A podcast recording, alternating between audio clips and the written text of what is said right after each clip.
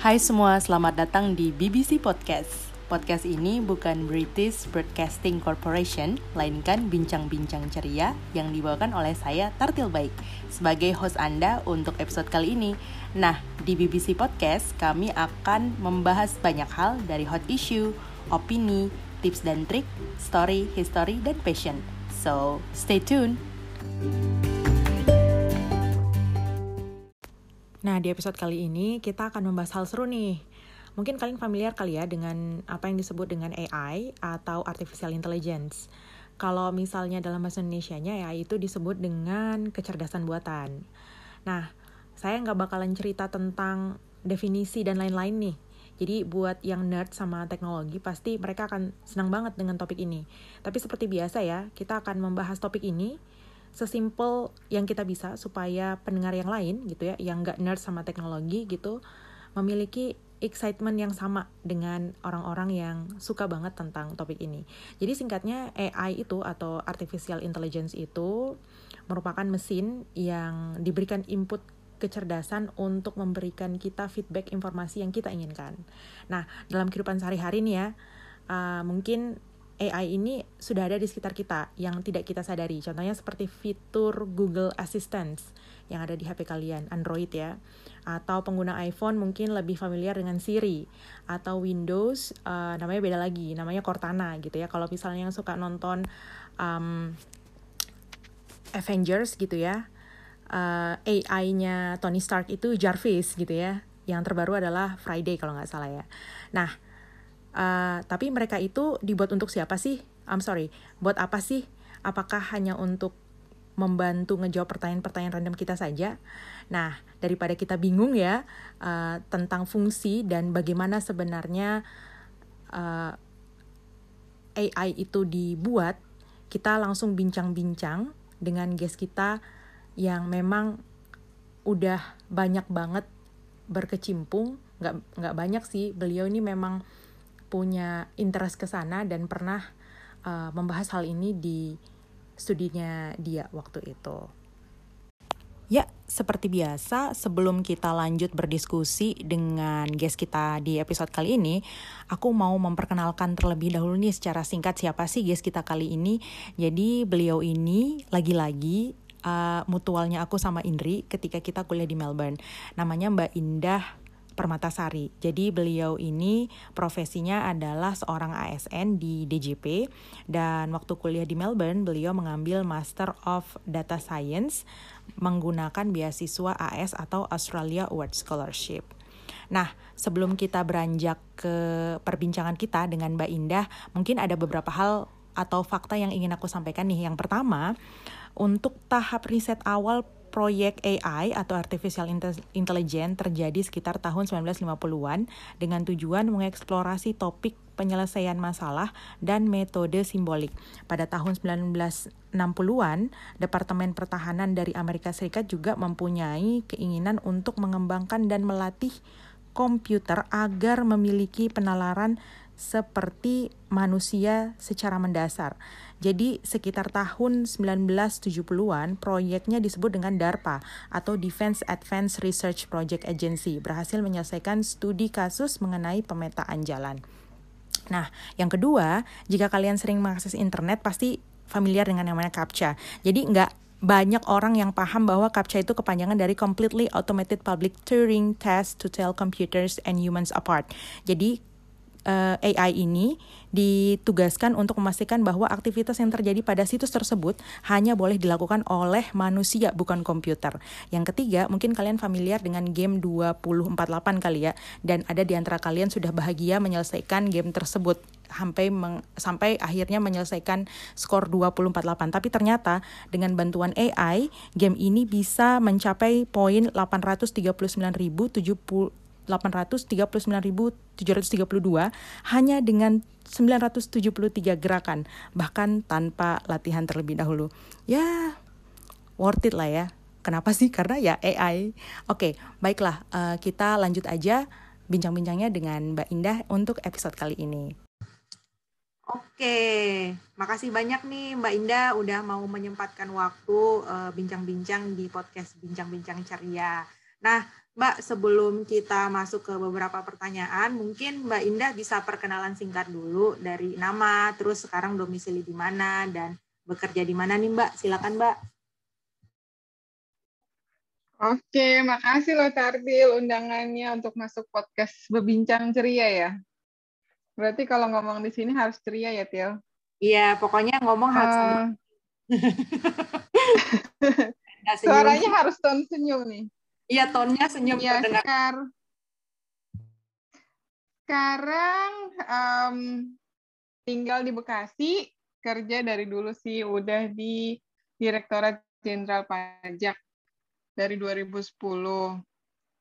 Setelah lulus Master of Data Science Unimel di kampus kita tercinta, Cela, itu alhamdulillah sekarang kerjanya inline masuk di seksi Science Data. Jadi samalah data science. Gitu. Oh. Perkenalan singkatnya cukup kali ya.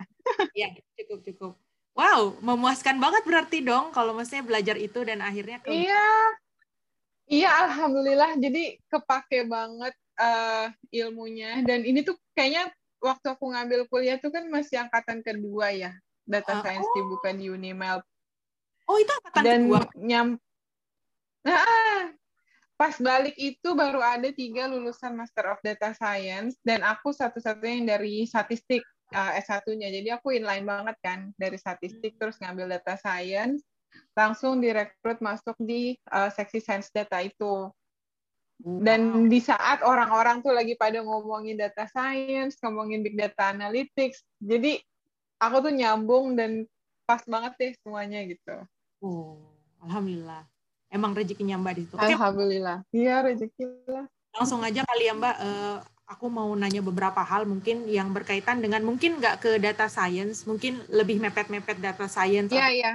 Yang itu tuh mungkin relate gitu loh, yang pernah kita diskusikan jauh sebelum ini sebenarnya gue inget banget waktu itu tapi uh, mungkin kita bakalan refresh lagi dan kita membahas hal itu lebih sederhana tentang AI atau artificial intelligence atau mungkin orang-orang bilang sekarang ini kecerdasan buatan. Nah, Mbak, apa sih kira-kira AI itu dan bagaimana prinsip kerjanya dan eh, kira-kira sampai saat ini perkembangan dari segi penelitian itu implementasinya sampai mana aja sih untuk AI ini?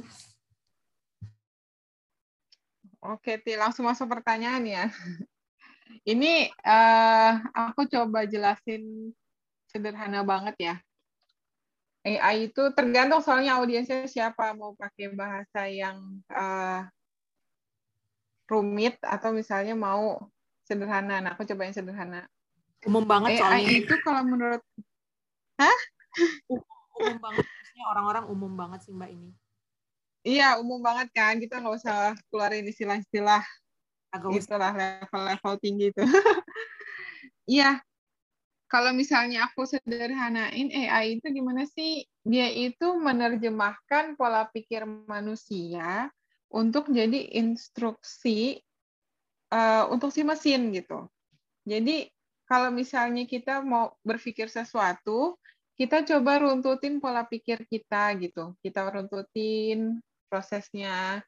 Terus uh, runtutan itu akan jadi perintah uh, untuk si mesin. Jadi si mesin bisa melakukan apa yang kita pikirkan gitu. Dan bukan cuman pikiran satu orang, bisa jadi untuk banyak orang gitu. Makanya dia di, bisa dibilang kecerdasan buatan karena kecerdasan manusia yang di uh, transfer ke mesin gitu loh. Dan karena dia mesin, dia bisa berpikir dari pola pikir banyak manusia kan. Nah, di situlah kenapa dia jadi trending gitu sekarang. Maksudnya bukan dari trending si nama, tapi dia memang teknik ini dipakai di mana-mana karena kita bisa save waktu, save uh, selain save waktu, save tenaga, dan bisa lebih efektif dan efisien dengan menggunakan mesin karena dia uh, merangkum pikiran banyak orang gitu loh. Pikiran banyak orang bisa kita suruh dia yang kerjain gitu.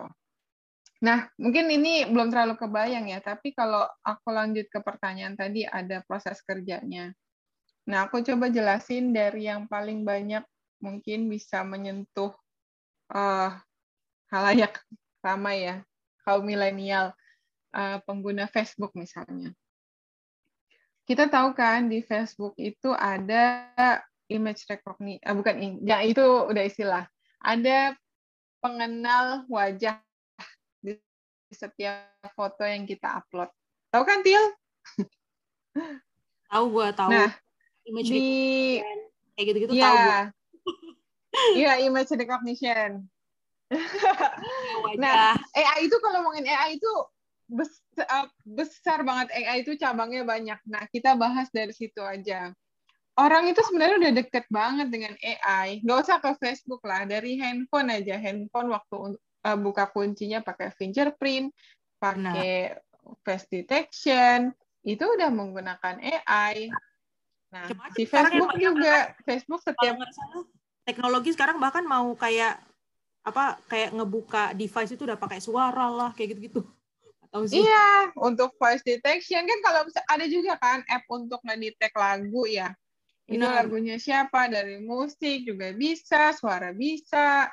Nah, itu semua produk-produk AI. Nah, cuman orang orang tahu sebenarnya uh, itu AI ya aku rasa sih semua juga tahu itu teknologi. Nah, tapi gimana sih proses kerja di baliknya? Kalau aku bikin sederhana nih, gimana sih dari foto itu bisa tahu si mesin ini nih kalau itu tuh uh, siapa orangnya gitu. Nah, kalau aku sederhana ini proses kerjanya kayak gitu. Uh, jadi dari setiap kita upload foto itu kan kita uh, si mesin tahu ya, misalnya aku nih, Facebookku. Aku upload foto. Di antara foto yang aku upload itu ada kesamaan di titik-titik tertentu muka aku ya. Jadi dia bisa tahu, oh itu muka kamu tuh. Terus kalau misalnya kamu upload foto yang ada akunya, jadi dia bisa matchingin tuh, oh kok ada sih pola muka aku di foto yang kamu upload. Nah, jadi dia bisa tahu, oh kamu kayaknya di foto yang kamu upload kamu ngetek aku ya gitu. Nah kalau kita lihat lebih rinci lagi di dalamnya, kalau pengen tahu ya ini sebenarnya gimana sih? Jadi si foto-foto itu uh, kalau yang namanya kita mau ngasih instruksi ke mesin ya, mesin kan nggak uh, nggak bisa langsung kita kasih instruksi. Ini loh, ini ada ada indah di foto yang diupload kartil. Gimana caranya kan nggak tahu, nggak bisa gitu instruksinya. Nah, dari foto-fotonya si Indah nih, Facebooknya Indah, si mesin itu akan uh, membuat angka kode dari setiap pixel foto itu kan ada pixelnya ya, titik-titiknya. Nah, ya, kalau ya. Tartil tahu, ada tuh kode RGB tuh. Tahu, tahu gua. Ya kan? RGB. Ya. RGB ya, red, green, blue. Nah, itu kan ada kodenya. Nah, setiap pixel tadi itu dikodein. RGB-nya ini ini gampangnya ya.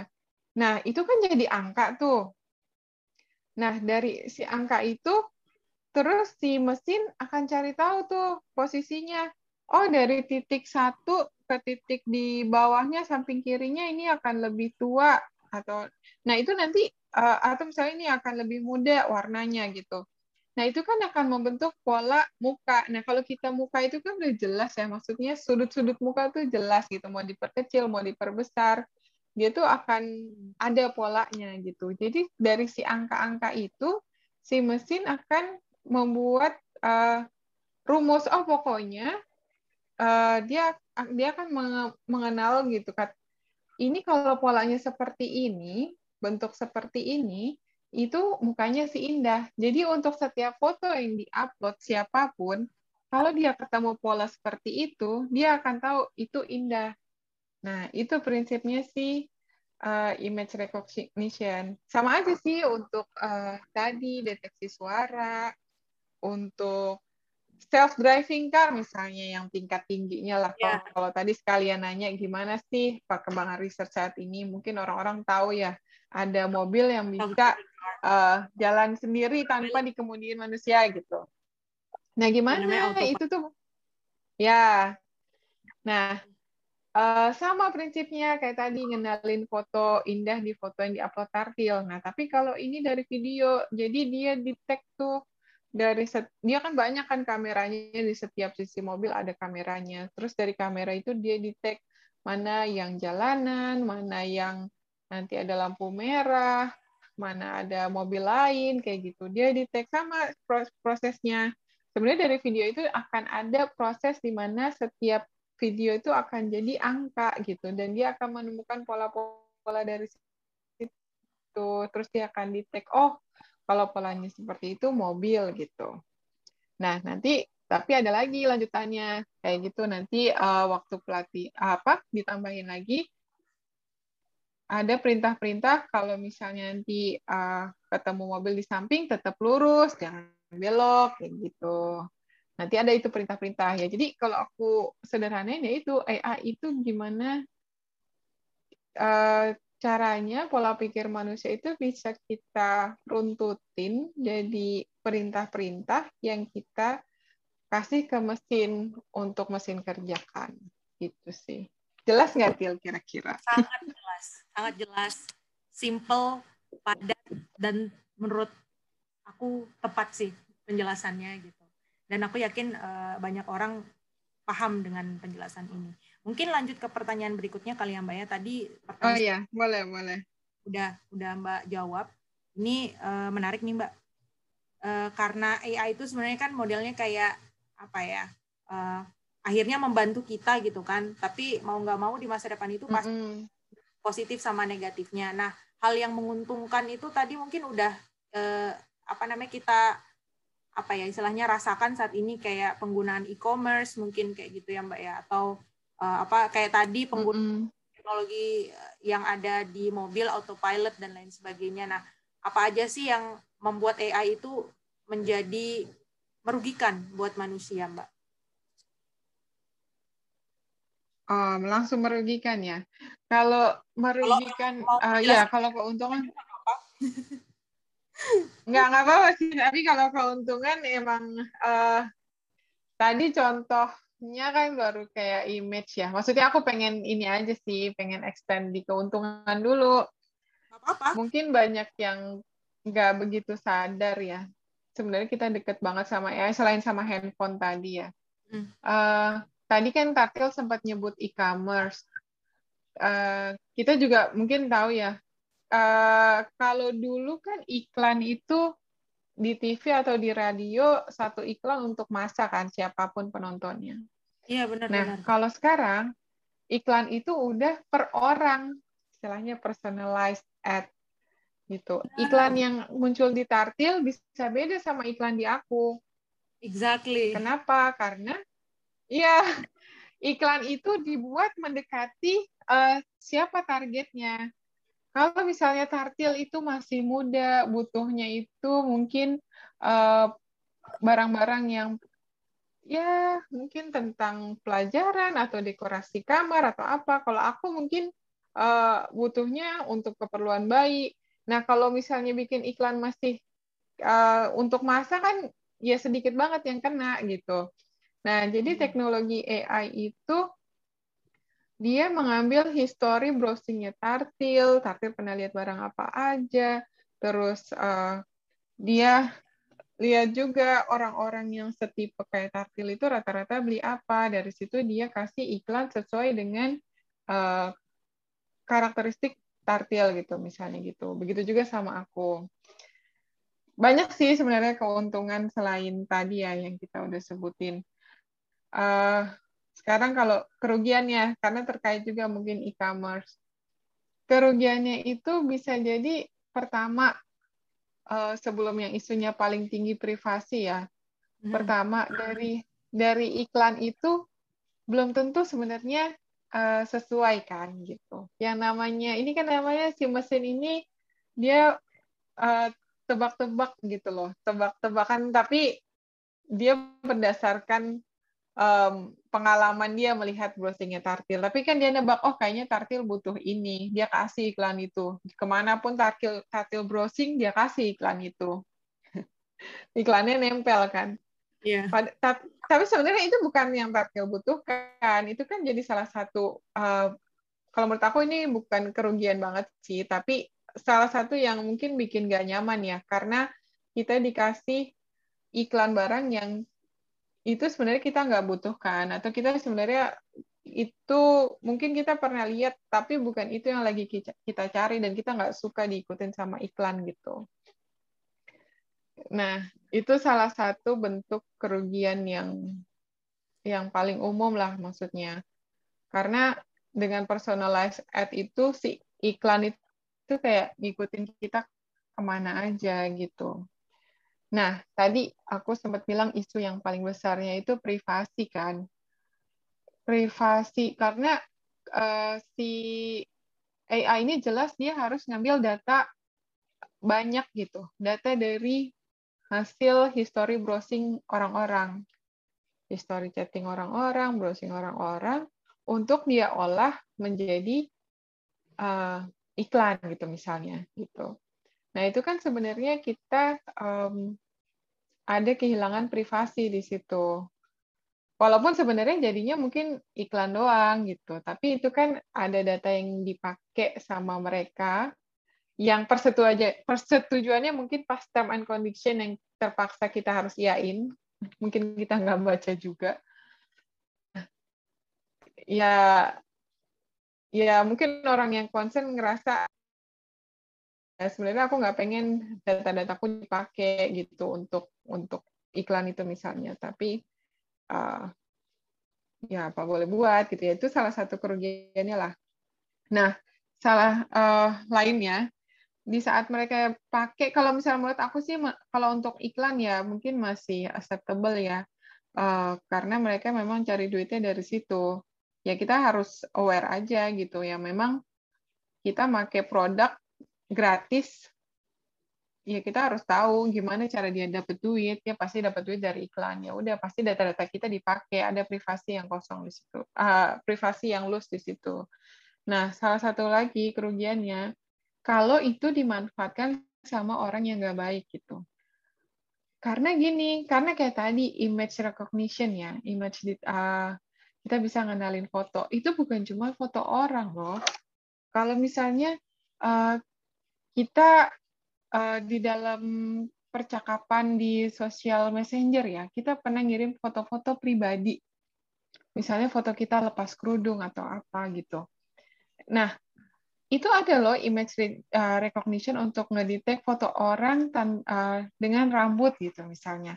Dia bisa tahu atau misalnya ada yang lebih ekstrim lagi foto nggak pakai baju misalnya. Bisa tahu kalau orang misalnya di sela-sela um, pengolahan itu dia mendetek seperti itu, itu dimanfaatkan oleh orang yang nggak baik, itu kan jadi salah satu bentuk kerugian ya. Tapi ya itu masalah ekstrim ya, maksudnya AI ini ya tergantung si pemakainya, pemakainya itu mau pakai untuk uh, kebaikan atau memang untuk uh, hal yang jahat seperti itu, itu sih. I see. Sama kayak pisau ya, pisau itu kalau dipegang sama koki beda jadinya. Ya, yeah, ya. Kan? Kalau dipegang sama uh, jadi beda tujuan pisau tersebut iya. Oke okay. iya. pak penjelasannya benar-benar gamblang banget dan uh, apa namanya analoginya benar-benar apa ya uh, sederhana banget ya tentang uh, apa kecerdasan buatan ini. Nah pertanyaan berikutnya ini mungkin uh, mengenai job creation di masa depan kali ya mbak. Jadi dengan adanya eh, di beberapa pekerjaan otomatis kan itu mempermudah banget ya di setiap bidang pekerjaan nah hmm pekerjaan manual menjadi otomasi. Nah, gimana sih nanti job creation ke depannya mengingat kita sedang menuju uh, ke dunia yang semakin digital? Iya, Til. Uh, aku nih concern juga ya. Maksudnya ngelihat pas balik kuliah, uh, tiba-tiba kantorku juga langsung seakan-akan berubah gitu loh. Semua orang tuh uh, pada ngomongin big data analisis lah, terus uh, banyak komunitas-komunitas uh, kayak data science ya gitu. Banyak anak-anak maksudnya orang-orang yang dia nggak punya background di programming atau statistik terus banyak ikut pelatihan gitu. Kalau menurut aku di masa depan tuh memang uh, kita memang harus uh, melek IT gitu melek teknologi. Walaupun nggak uh, bisa programming ya tapi paling nggak kita tahu apa yang bisa dilakukan oleh programmer gitu. Apa yang bisa dilakukan oleh si uh, data science misalnya. kayak tadi deteksi-deteksi itu, gimana sih cara kerjanya? Itu paling nggak harus tahu. Karena sebenarnya teknologi misalnya si data science kayak gitu, itu dia dia tuh general gitu loh. Dia bisa diterapin di berbagai ilmu. Tapi yang penting itu yang punya ilmunya itu butuh uh, solusi atas masalah apa. Ini tartil misalnya. Tartil butuh solusi untuk deteksi makanan yang sudah tidak baik dari uh, hasil komposisinya. Aku kurang tahu ya misalnya gini. Misalnya setiap data dicek uh, eh setiap ada makanan terus bisa dicek nutrisinya berapa berapa berapa gitu terus mau uh, dideteksi misalnya uh, mana yang sudah tidak layak dalam waktu dua minggu atau tiga minggu atau satu bulan. Nah Tartil coba kerjasama itu sama orang teknologi tapi Tartil tahu oh itu bisa dilakukan dengan teknologi gitu. Jadi uh, job creation di depan uh, di masa depan menurut aku tetaplah sesuai passion apa pun itu. Misalnya kalau uh, Tatil kan di food science ya, teknologi pangan, atau misalnya uh, apa pun manajemen atau apa pun, atau psikologi lah. Tapi um, be critical tentang teknologi gitu. Apa sih yang bisa dilakukan uh, teknologi untuk ilmu tersebut gitu. Banyak kok sumbernya uh, yang kalau kita mau cari tahu misalnya teknologi uh, AI dalam uh, teknologi pangan apa sih yang bisa dilakukan gitu. Yang penting update nanti pas di dunia kerja karena kalau menurut aku di dunia kerja sekarang aja uh, orang statistik atau programmer itu udah direkrut di mana-mana. Nah, sebagai pemilik bisnisnya misalnya si Tartil nih yang ngerti bisnis tentang makanan misalnya, ya harus tahu apa sih yang bisa mereka lakukan untuk membantu uh, pekerjaan supaya lebih efektif efisien gitu. Dan untuk um, siapa pun yang tertarik sama programming ya atau coding, coba deh ikutin deh uh, banyak course-course uh, gratis ya. Palingnya cobain aja gitu. Karena kalau kita punya kemampuan untuk bisa programming itu, itu bakalan jadi nilai plus sih di masa depan menurut aku gitu. Kadang aku mikir kalau lama-lama uh, bahasa kan ditambahkan ya tadinya cuma bahasa Indonesia terus sama modul bahasa uh, lokal setempat terus lama-lama di sekolah ditambahin ada bahasa tambahan Jerman atau apalah oh. Jepang. Kalau menurut aku mungkin di masa depan bisa jadi ditambahin bahasa pemrograman juga sih.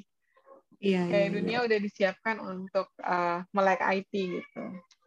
Bahasa programan bukannya memang diawali dari ini ya matematik, matematik ya.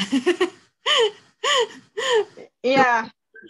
bahasa bahasa pemroga bahasa pemrogam pemrograman paling sederhana adalah belajar matematika terlebih dahulu. anyway, seperti ya, ya tapi sebenarnya bisa beda loh, Tia. Kalau matematika tuh terkesan kayak uh, kayak rumit gitu. Tapi waktu pemrograman kan nggak nggak semua matematika maksudnya. Tapi bisa jadi fun gitu. Kalau kita udah cobain bisa jadi menarik. Anyway, yang tadi Mbak sampaikan tentang uh, akhirnya orang-orang jadi kayak melakukan pendekatan untuk mempelajari coding atau belajar pemrograman itu yang sudah maksudnya bukan aku udah mengalami sih maksudnya kayak aku ingin mencoba untuk melakukan itu gitu loh Mbak. Aku sudah kepikiran dari tahun lalu, tapi mungkin mau ngatur jadwal dulu dan aku tertarik banget tentang uh, apa namanya pemrograman ini kayak gitu seperti yang Mbak sampaikan gitu. Kenapa? Karena aku merasa dituntut secara apa ya di, di dalam di alam bawah sadar aku bahwa di masa depan itu ini akan dibutuhkan. Jadi kamu harus cope up kayak gitu, Mbak. Menarik, Mbak. Menarik, menarik. Iya.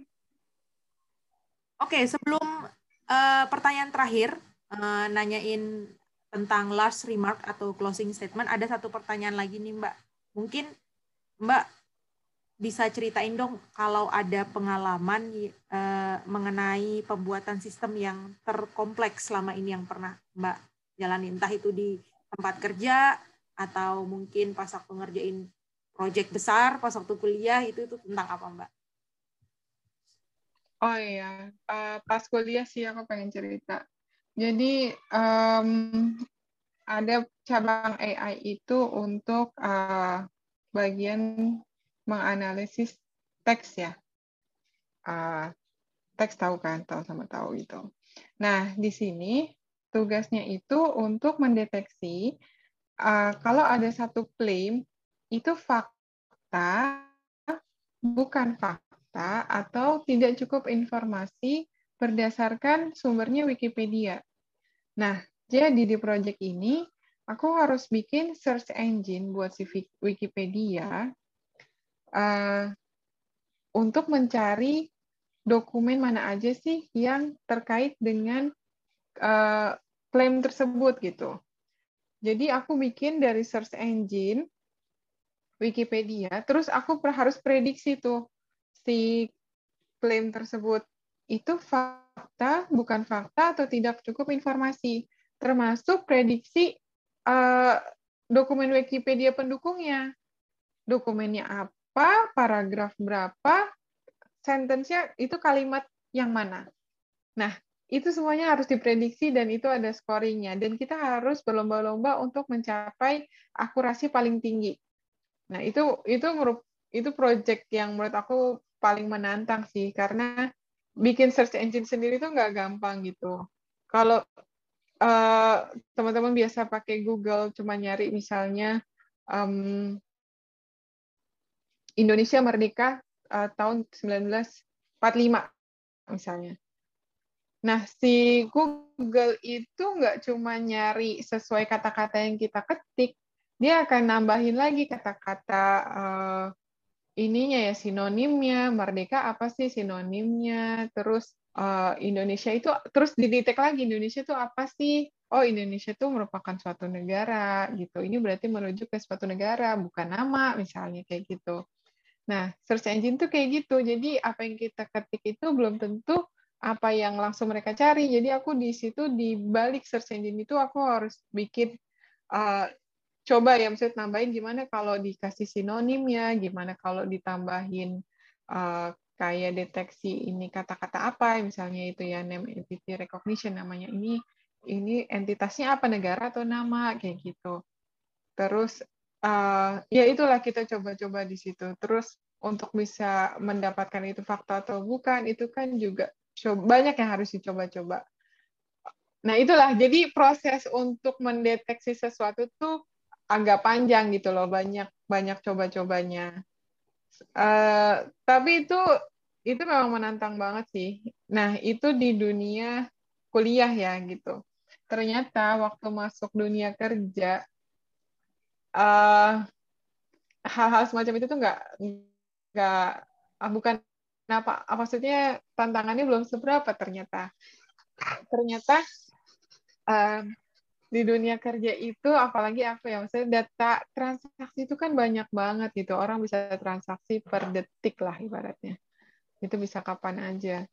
Pelaporan segala macam. Nah itu banyak banget data yang bisa diolah gitu.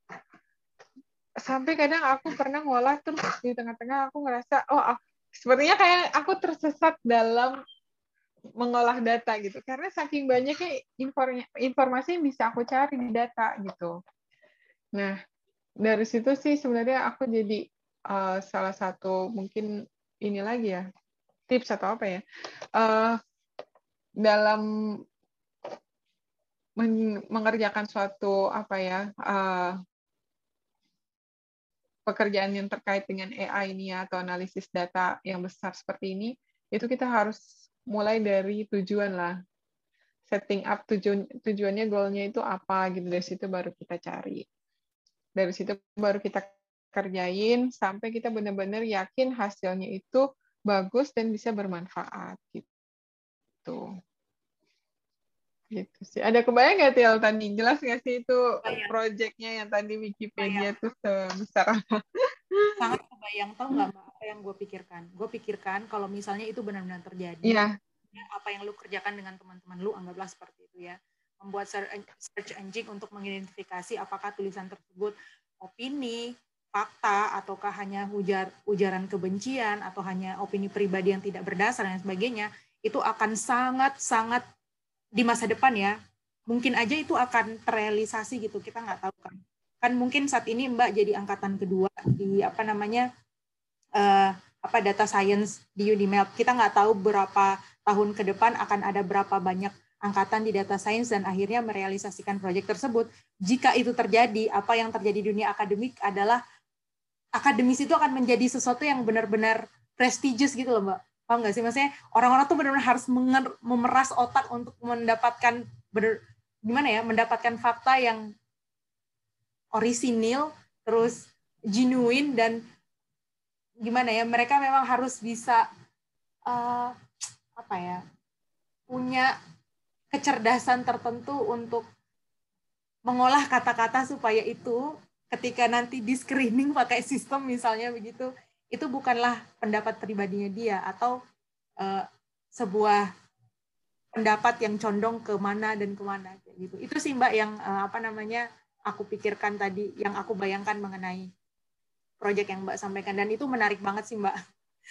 Nggak kebayang kompleksnya gimana di masa depan ketika itu nanti sudah terrealisasi. Tapi ya gimana ya hal-hal seperti itu mungkin nggak mungkin kita bisa kita apa hindari ya.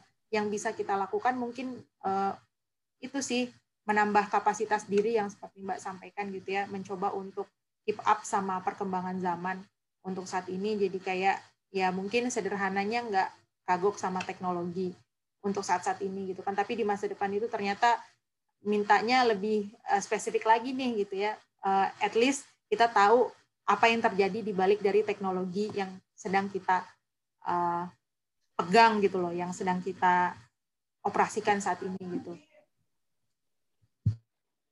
Til, aku jadi pengen nambahin Til. Jadi, iya Til, aku tuh waktu bisa ngerjain itu ya, aku tuh langsung kepikiran, um, harusnya nih di sosmed itu atau dia siapa? Ya memang uh, si ini deteksi fakta ini tuh bisa diterapkan di mana-mana gitu loh. Biar dunia ini nggak penuh dengan hoax. Jadi orang tuh bisa bisa langsung tahu misalnya ada orang um, ngeposting sesuatu yang seakan-akan informasi itu bisa langsung didetek informasi itu uh, ada bukti pendukungnya atau enggak gitu. Itu sebenarnya bisa loh visible gitu loh. Kalau misalnya sosmednya mau nerapin. Terus aku mau tambah ini cerita pengalaman semenjak aku belajar ya gimana caranya untuk mendeteksi sesuatu dari data gitu ya mengandalkan data. Waktu itu ada kompetisi hackathon namanya yang diselenggarakan sama Facebook.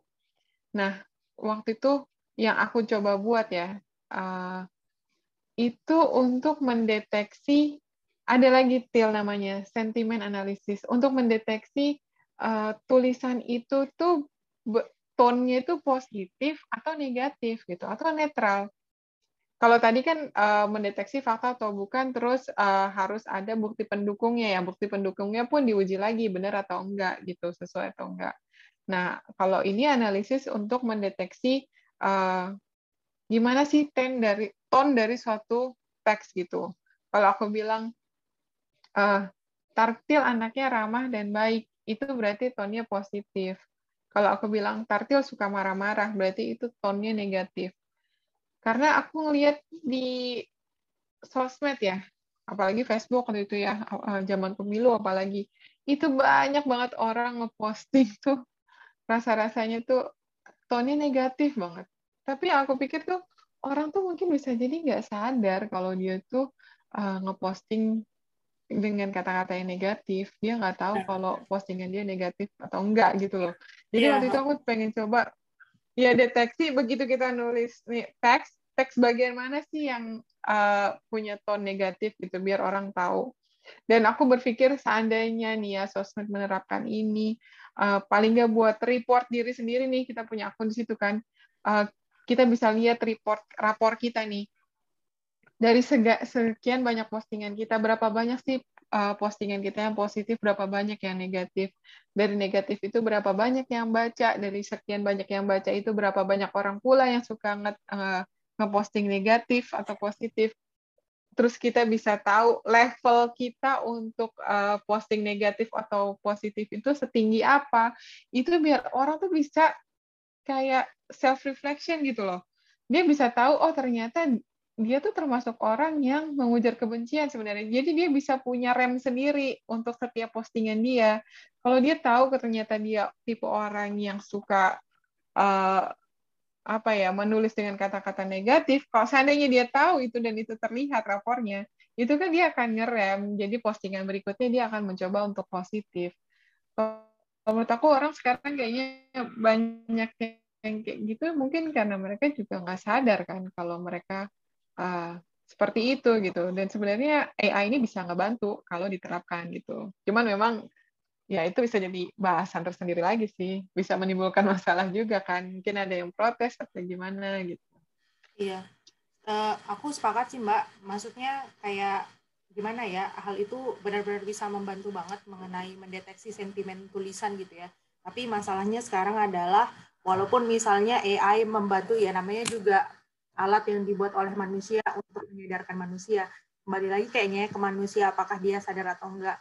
Orang yang nulis head comment aja itu belum tentu dia ketika membaca komennya lagi dia dengan berbangga hati bilang gue kan nasihatin dia kayak gitu. Jadi maksudnya dia udah ngomong kayak gitu tuh nadanya seperti itu berarti belum ada kesadaran. Jadi walaupun mungkin akan ada uh, report gitu ya kalau itu adalah refleksi head commentnya dia selama satu tahun anggaplah seperti itu kalau dia nggak sadar sih kayaknya dia nggak bakalan berubah. Ataupun misalnya dari sistem gitu kan bakalan ngeblok atau ngehapus komen tersebut secara otomatis.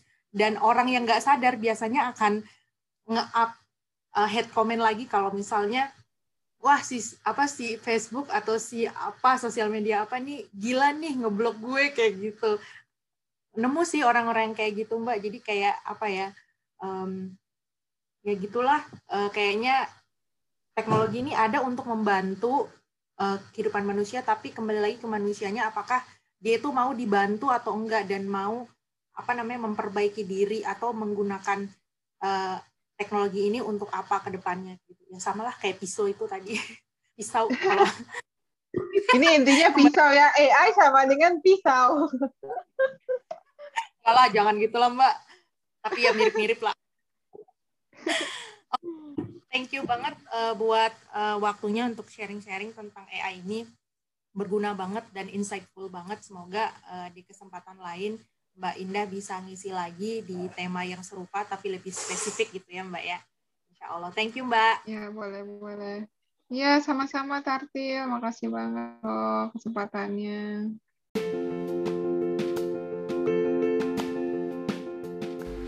Thank you banget nih udah mau dengerin podcast ini. Untuk update, jangan lupa ya follow podcast kita di berbagai sosial media seperti Twitter, Facebook, dan Instagram at Bincang Ceria di Facebook Bincang-Bincang Ceria.